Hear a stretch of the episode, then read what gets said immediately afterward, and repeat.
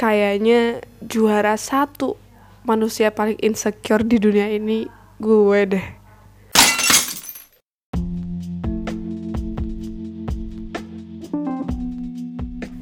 Wait, wait. Mari kita luruskan. Iya, aku ngerti, aku ngerti.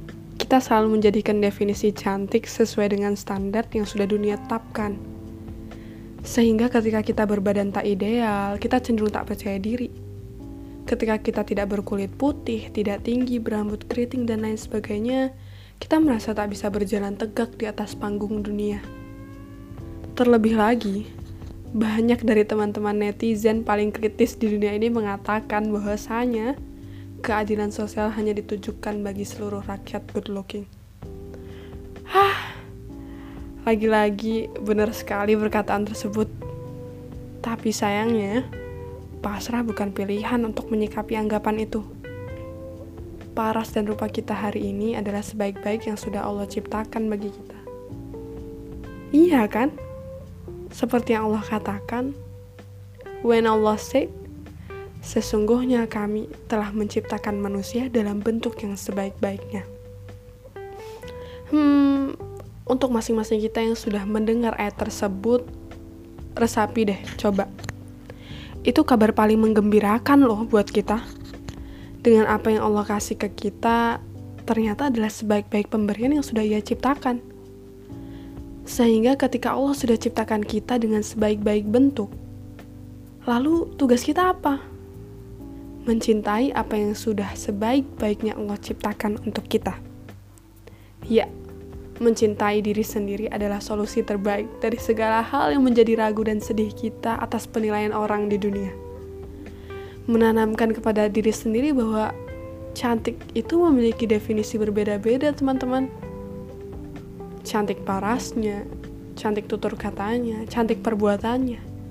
Dan semua hal baik serta indah itu adalah cantik. Seharusnya kerisauan akan fisik kita tidak menghalangi kita untuk berikan karya terbaik pada dunia. Semua berhak untuk melukis dan menumpahkan segala hal baik pada kanvas kehidupannya masing-masing.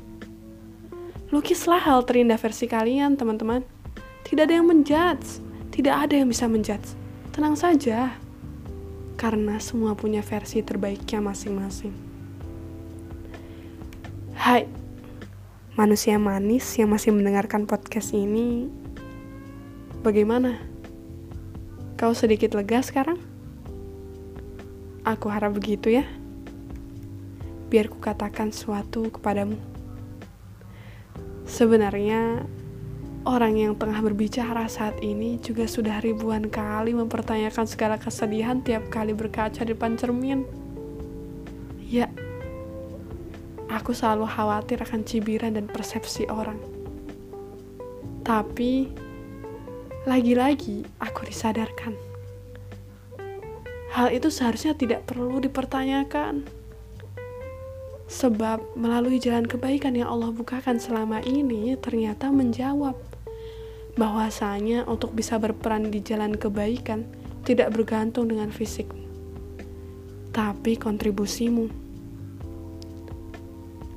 Percaya sama diri sendiri adalah hal yang harus kita lakukan. Nah, di sini ada beberapa hal nih versi aku yang bisa menjadi insight untuk menambah kepercayaan kalian pada diri sendiri. Hal pertama, stop membandingkan diri sendiri dengan orang lain. Berhenti membandingkan diri dengan fisik yang orang punya, dengan kekayaan mereka, dengan kesuksesan, dengan profesi, pekerjaan, dan segala persoalan duniawi. Coba deh, sekarang kalian hanya harus fokus pada diri kalian dan capaian target kalian masing-masing. Hidup bukan untuk saling mendahului, guys bukan saling mendahului Bermimpilah sendiri-sendiri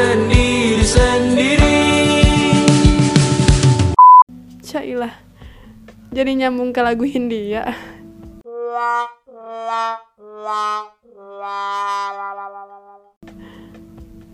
Nah, hal kedua yang harus kalian lakukan Mengetahui kebutuhan diri sendiri Karena yang menjalani hidupmu ya dirimu sendiri. Artinya, yang tahu kondisi dan kebutuhan diri ya kalian sendiri. Cari sesuatu yang disuka. Cari dan gali potensi diri. Jadikan hal tersebut menjadi sarana membentuk diri kita menjadi versi terbaik. Ketika kita nyaman akan apa yang ada pada diri sendiri, maka percaya diri mudah banget buat kita lakuin teman-teman. Kemudian, manfaatkan potensi tersebut di ranah kebaikan. Nah, hal ketiga yang harus kalian lakukan untuk menambah rasa percaya pada diri kalian yaitu sadarilah bahwa kalian sangat istimewa. Afirmasi positif yang kita sampaikan kepada diri sendiri akan memiliki efek yang luar biasa terhadap alam bawah sadar kita. Coba deh, berikan kata-kata positif kepada diri sendiri setiap harinya dan buat ini menjadi dua kali lipat saat kita merasa sedang ragu dan tidak percaya diri. Katakan bahwa gue berani, gue kuat, gue pintar, gue cantik, iya, gue tampan, gue percaya diri, gue bijak, gue hebat. Coba deh resapi dan rasakan kata-kata tersebut secara mendalam.